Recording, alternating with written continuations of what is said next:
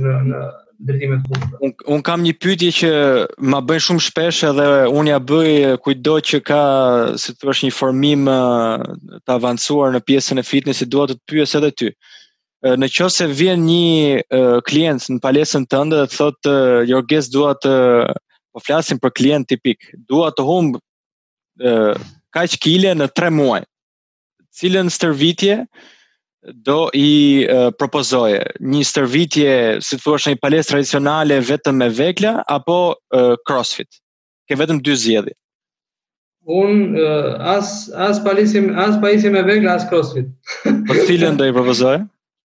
Unë do t'i unë do t'i unë do t'i propozoja një stërvitje alternative, domethënë do t'i propozoja një stërvitje për çka folëm deri më deri më tani, duke filluar nga stërvitja psikologjike, mm. që është e para dhe më e rëndësishme, nga dhënia e disa njohurive, sepse është shumë e rëndësishme që klientët t'i japim njohuri në fillim, të, të dinë se çfarë se, se, se si funksionon trupi, të dinë se si funksionon psikologjia, të dinë se si rritet vetëbesimi.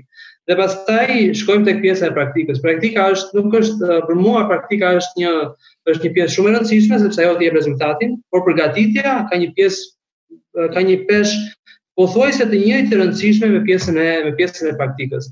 Dhe normalisht do do t'i ë domethënë në në çdo seancë që un kam bërë me çdo klient që un kam trajnuar, ë nuk e kam nuk e kam ë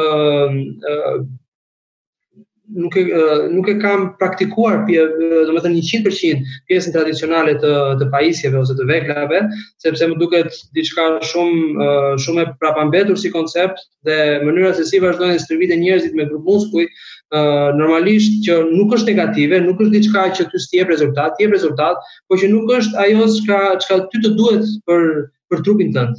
Nuk është uh, pjesa, domethënë, nuk është ajo uh, pjesa bazë, nuk njeriu nuk duhet të nuk duhet të fokusohet vetëm në një anë të të pjesës së stërvitjes. Në momentin që ti stërvitesh vetëm me vegla, ti stërvit vetëm pjesën e, e pjesën e muskujve, vetëm pjesën kozmetike, le të thuash. Po, vetëm pjesën e sistemit muskular. Çka nga ana tjetër, nga por nga ana tjetër ka shumë parametra fiziologjik që janë shumë të rëndësishëm që duhet stërvitur për shëndetin tënd. Po po ti po nuk ia transmetove ti klientit, ai nuk bindet dhe ai kërkon vetëm të ndryshojë aparencën. Në momentin që ti i jep njohuri se çka duhet dhe çfarë çfarë është shumë e rëndësishme që ti të stërvitesh, pra duhet të stërvitesh si një bllok dhe duhet t'i japësh optimizmin e duhur që secili klient është i aftë të bëjë diçka në lidhje me aktivitetin fizik, sepse aty është krijuar. Dhe në t'i futem në detaj pyetjes tënde është uh, stërvitja më e rekomandueshme është stërvitja funksionale, uh, domethënë e përgjithshme. Stërvitja funksionale është stërvitja që ne kemi kryer në format e cirkuitit, në format e high intensity interval training, po duke ndërthur duke ndërthurur edhe stërvitje aerobike, sepse edhe pjesa aerobike është shumë e rëndësishme, sepse të rrit rezistencën kardiorrespiratore, të rrit rezistencën muskulare.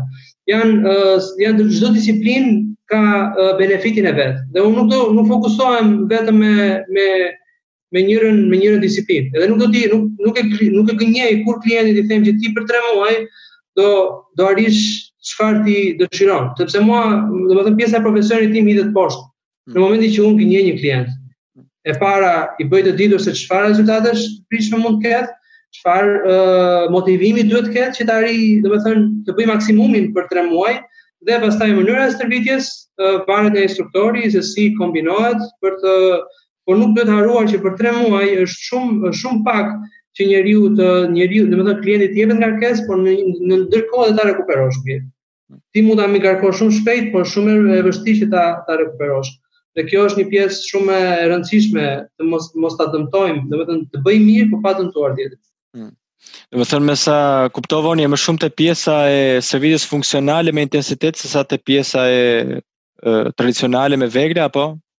Me vegla, domethënë, unë kam vite që nuk, i, nuk e praktikoj për veten time, them personalisht, është edhe diçka preferenciale, unë e thashë, domethënë, që çdo njeri ka preferencat e veta se çfarë, çfarë, në çfarë do të stërvitet, uh, unë ndoshta ngaqë kam, uh, kam, kam shumë vite që vazhdoj edhe i thelloj uh, njohuritë e mia dhe në pjesën praktike dhe në çfarë studioj dhe lexoj, dhe dhe çka më pëlqen dhe çfarë i vendos rëndësi vetes time për mua pjesa personalisht domethënë pjesa e aparencës nuk është se ka ndonjë ndonjë rëndësi kaq shumë të madhe përpara pjesës së shëndetit uh, unë në momentin që bëj një vrap të lehtë si do të sa do të lehtë ndonjëherë të lehtë ndonjëherë intensiv uh, ndiej një kënaqësi ndoshta shumë më të madhe se sa e ndiej në një stërvitje funksionale ose aq më tepër për një në një stërvitje me me vegla Mm. Por ndonjëherë stërvitem edhe me vegla. Ndonjëherë bëj edhe një herë për shembull në një një apo ose dy muaj bëj edhe stërvitje tradicionale me grup muskuj.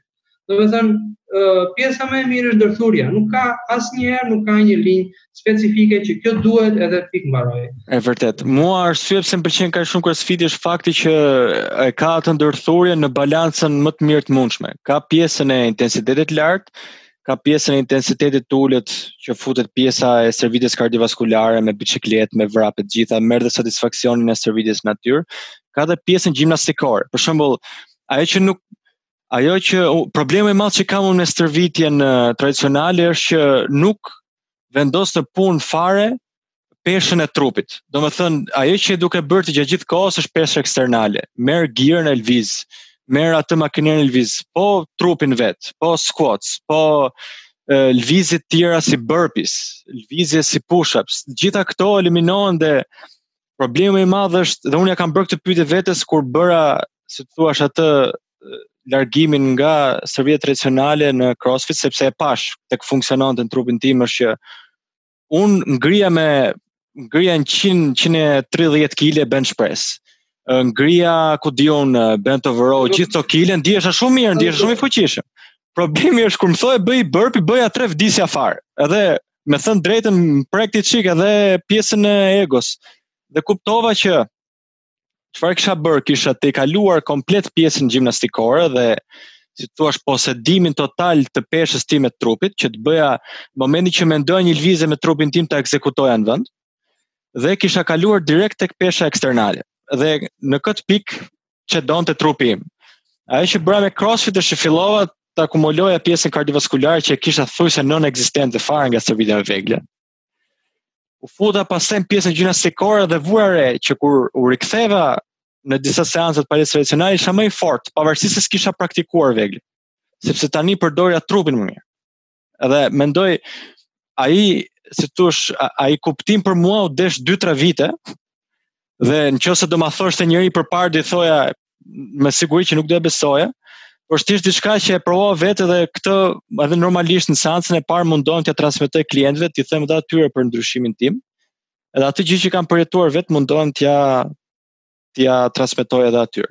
Edhe jam shumë dakord me ty mendoj që unë vetë në momentin që kam kam klientët e mi që i stërvis trajnim personal, seanca e parë që bëj është vetëm bisedë. Nuk bëj asnjë ushtrim asnjë gjë. Është Është thjesht bisedë, mundohem të kuptoj klientin, mundohem të mësoj më shumë rreth tij ose asaj, cili është qëllimi, sa kohë kemi, pse kaq kohë, çfarë e sjell në palestër, se normalisht në momentin që vjen një person në palestër, sidomos në Shqipëri e ka menduar shumë gjatë domethënë diçka shumë e rëndësishme e ka çuar në atë vendim që të thotë ok, tani do shkoj. Nuk është i lehtë vendimi që ti të marrësh një hap. Se ta mendosh në, në fitness, momentin që ti je instruktor, ajo që po i bën ti një klienti është, është servisi që ti po jep është që po e bën atë të djersitet dhe të lodhet. Kështu që edhe për atë nuk është shumë, shumë e thjeshtë dhe e lehtë, sidomos kur nuk e di çfarë do e gjejë mbas 2-3 muajsh. Kështu që Unë desha të kalojmë tani në një pjesë pak më të bukur për mua dhe të veçantë meqë po flasim për klientin. Desha të të pyes për sa i përket se ti ke goxha eksperiencë me klientin shqiptar dhe ke goxha eksperiencë jo vetëm në një palestër por në disa, ke eksperiencë edhe me uh, ke ke trajnuar tek palestra jonë edhe grupe kompanish, ke pas ke, ke pas disa perspektiva për ta parë klientin shqiptar. Desha të të pyes cilat mendon se janë cilësitë më të mira të klientit shqiptar dhe disa disa cilësi më të këqija që mendon që janë tipike për klientin shqiptar dhe dhe do doje t'i nënvizoje nga gjithë eksperienca jote. Tani, kjo është një, është një pyetje që, domethënë, ka, domethënë, unë asnjëherë uh, nuk, nuk mund të bëj një lloj diferencimi kush është e mira dhe kush është e keqja, apo cilësitë e mira dhe cilësitë e këqija, sepse çdo uh, aspekt i jetës ka ka anë pozitive, anë negative në mënyrën se si ne i konceptojmë gjërat. në mënyrën se si për, se si përballemi me me çfarë na vjen ose nga nga jashtë ose nga nga vetë personaliteti jonë. Uh, ajo çka mua më bën përshtypje tek tek pjesa tek shqiptarët mm. është mm. pjesa e egos. Mm. kanë uh, kanë një ego, domethënë uh, ne si shqiptarë kemi një një ego shumë të të theksuar dhe vendosim uh, vendosim gjëra të parëndësishme dhe të panevojshme përpara atyre që duhet të kenë uh, rëndësi. Siç e përmenda më përpara, njerëzit vijnë klientët 90% e 80% e klientëve vijnë te palestra sepse duken duan të duken mirë. Dhe kjo është është uh, është shumë tradicionale, mm. por është uh, është Tej mase është tej mase aparente dhe sipërfaqësore. Do ju është është shumë është është pjesë e rëndomtë, pjesa e rëndomtë e popullsisë vjen për këtë arsye. Hmm. Nuk i vendosin një qëllim vetes së tyre që unë do shkoj të stërvitem rregullisht dhe të kem rezultate graduale për një për një periudhë kohe të caktuar. pa i vënë këtë pjesën, pa i vënë këtë pjesën e stresit të crossfit etj etj mm. sepse e ngarkon shumë psikologjikisht një një klient duke duke menduar këtë këtë. E dyta është pjesa e trendeve. Që ne shkojmë ku është trendi. Ne nuk shkojmë uh, aty ku ne na ku vërtet duhet të të të, të marrim atë që duhet të shkojmë atje ku uh, duhet të marrim atë që duhet. Domethënë, u krijuan, u krijuan, u krijuan crossfitet, krijoi i pari crossfitin, filloi i dyti, i treti, i katërti, i pesti, dhe të gjithë ça ishin uh, vipa të gjithë pjesa e, e madhe e shoqërisë të paktën në Tiranë, sepse në pjesë të tjera të Shqipërisë nuk po flasim shumë për Tiranën, se në pjesë të tjera nuk është vipa. nuk arriti të zhvillohej kaq shumë. Ë uh, shkuan të gjithë nëpër nëpër palestrat e CrossFit-it sepse ishte trend. Po ndërkohë nuk është e vetmja. Nuk është e vetmja dhe të dish dhe të kuptosh që një ë uh, nuk ka asnjë instruktor të mirëfilltë CrossFit-i dhe të gjithë dynden aty është ë uh, nuk e di, po është e pa për mua është e paimagjinueshme dhe është e patolerueshme. Mm. pjesa e parë, e dyta nuk nuk i vë, nuk domethënë nuk i vë faj sepse në Shqipëri pjesa e profesionalitetit duke parë me me, me çkam parë nga nga pjesa e metodikës së së dhënies së ushtrimeve, ë nuk është domethënë në nivelin e duhur, që njerëzit të krijojnë dhe dhe dhe personat dhe klientët të krijojnë vetëbesimin e duhur uh, tek instruktori. Është një pjesë shumë e rëndësishme. Është një pjesë shumë shumë shumë e rëndësishme, mm, shumë e fortë. Do, do vim edhe tek instruktori, vërtet. Për të lidhur klientin me uh, me palestrën. Domethënë nuk mund të eci, e thash në fillim fare, nuk mund të eci vetëm klienti dhe palestra dhe pjesë e instruktorit. Është vërtet. Ecin të dy bashkë. Duhet të eci paralel. Hmm. Por pjesa e parë është pjesa e egoizmit, që ata i vendosin vendosin me veten e tyre, pjesës së, së trupit, unë dua të bëhem, dua të dukem bukur, unë unë unë unë dhe kjo të çon ë të çon, domethënë duke parë në pjesën e aspektit të të fitnessit apo të palestrës, të bën të bën të shohësh që egoizmi nuk është vetëm në palestrë, por është edhe në pjesë të tjera të jetës. Ti kërkon në maksimum të krijosh të krijosh ato obsesione në në jetë ti t'i marrësh me shumicë, por nuk nuk mund ta realizosh dot. Dhe pra dhe prandaj të gjithë shkojnë në grupe grupe. 3 muaj një herë, e lën 3 muaj, 3 muaj sepse kërkojnë maksimumin për një një kohë shumë të shkurtër. Kërkojnë të kërkojnë marrin maksimumin, nuk merret dot. E vërtet dhe mendoj që si të thush kultura edhe qasja që ka shqiptari në përgjithësi ndaj fitnessit është nuk, nuk është se m'habit, se është thjesht një reflektim i sjelljeve që ka në çdo aspekt të jetës. Domethënë shqiptarët duan makinat më të mira, duan më shumë lekë se tjetri, duan shpinë më të madhe, normalisht duan dhe trupin më të mirë dhe gjithë të tjerat sa më shpejt dhe sa më. Kjo është thjesht një si të thush një konsekuencë e mendësisë të përgjithshme. Ne vazhdojmë të dukemi akoma dhe tani që jemi në karantinë. Kjo është e, po, e vërtet. Pjesë e zhë, domethënë është pjesë e kulturës që unë kur shikoj akoma që edhe në shtëpi brenda që jemi të mbyllur, vazhdon të të krijosh pjesën e të, të theksosh pjesën e egoizmit është Do të thënë, pra, do të thënë në çdo në çdo aspekt sa më i thjeshtë të jesh me veten tënde, sa më shumë ta njohësh veten tënde, sa më shumë pranosh uh, ato ato vështirësi që je, jeta të jep, sa më shumë modest ti je, të jesh, aq më aq më më të paktë e ke uh, e ke obsesion, domethënë e ke obsesionin për të arritur diçka. Mm. Domethënë, nëse ti je psikologjikisht uh, dhe je uh, edhe spiritualisht i rritur uh, vërtet, ti arrin në çdo aspekt të jetës të kesh një të kesh një një një nivel uh, balance mm. në çdo në çdo fushë të jetës. Edhe në pjesën e aktivitetit fizik, edhe në momentin e përqasjes me natyrën, sepse është shumë e rëndësishme, aktiviteti fizik është është një ndërthurje e, e mrekullueshme midis njeriut dhe natyrës. Mm. Është është në është ndërthurja perfekte, është gjeneza, është origjina. mm. persona të cilët kë, kanë e kanë uh, posesivitetin të kenë makinat më të mira, të kenë uh, çantat më të mira, apo të kenë uh, ku di unë shtëpi më të mira, apo të kenë pasuritë më të mëdha, nuk mund nuk mund ta shijojnë dot uh, nuk mund ta shijojnë dot natyrën dhe veten e vet. Mm. Nuk e nuk e shijon dot njeriu veten e vet në momentin që ka ka këtë lloj uh, pritshmërish kaq kaq të mëdha. Prandaj uh, duhet të jemi sa më fleksibël me veten tonë, mos krijojmë pritshmëri përtej atyre që që janë të realizueshme dhe të jemi të fillojmë të jemi sa më shumë aktivë për për veten dhe për shëndetin tonë. Të kemi, domethënë të fillojmë të të të, të kemi vetëbesim tek vetja jonë dhe të kemi mos ta marrim shëndetin për të mirëqenë.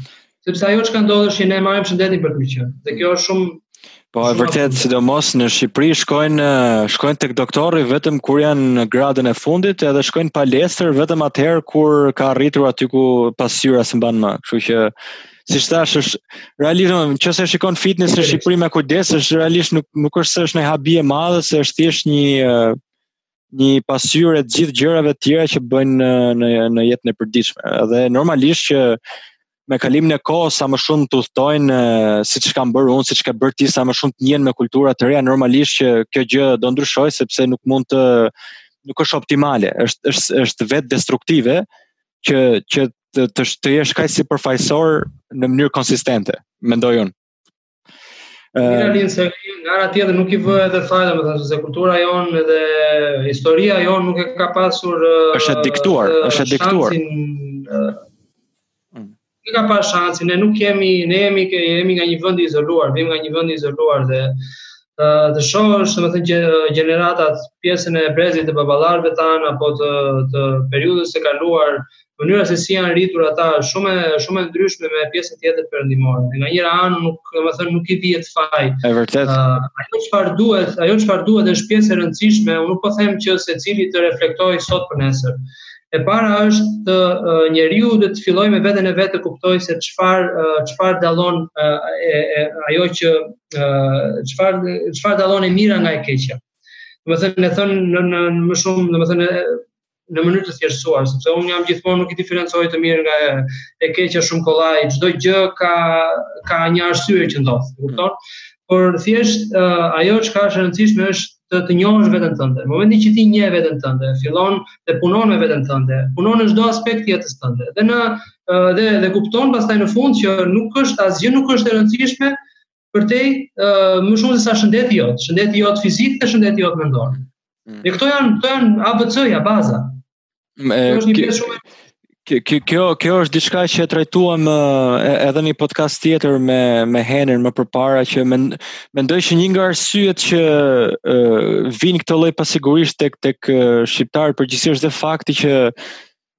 si të thua shumë shumë prej gjërave personale diktohen nga shoqëria. Domethënë njeriu është i varur shumë nga çfarë mendojnë të tjerët për të dhe këtu normalisht që tregohet edhe fakti pse njerëzit duhet duken mirë gjithkohon, se duan normalisht kenë aprovimin e tjerëve o sa mirë dukesh, o sa mirë trupi, gjithë këto gjëra dhe po e mendon ajo nuk është se ka ndonjë benefit tjetër përveç se satisfaksionit personal që po më bëjnë po më bëjnë komplimente, por është shumë sipërfaqësore dhe normalisht që kjo i përket një kulture shumë më të lartë perëndimore që të arrijë në atë farë kuptimi. Po bash pjesë ego, shkojmë prapë te egoizmi, pasi normalisht është një pjesa e unit.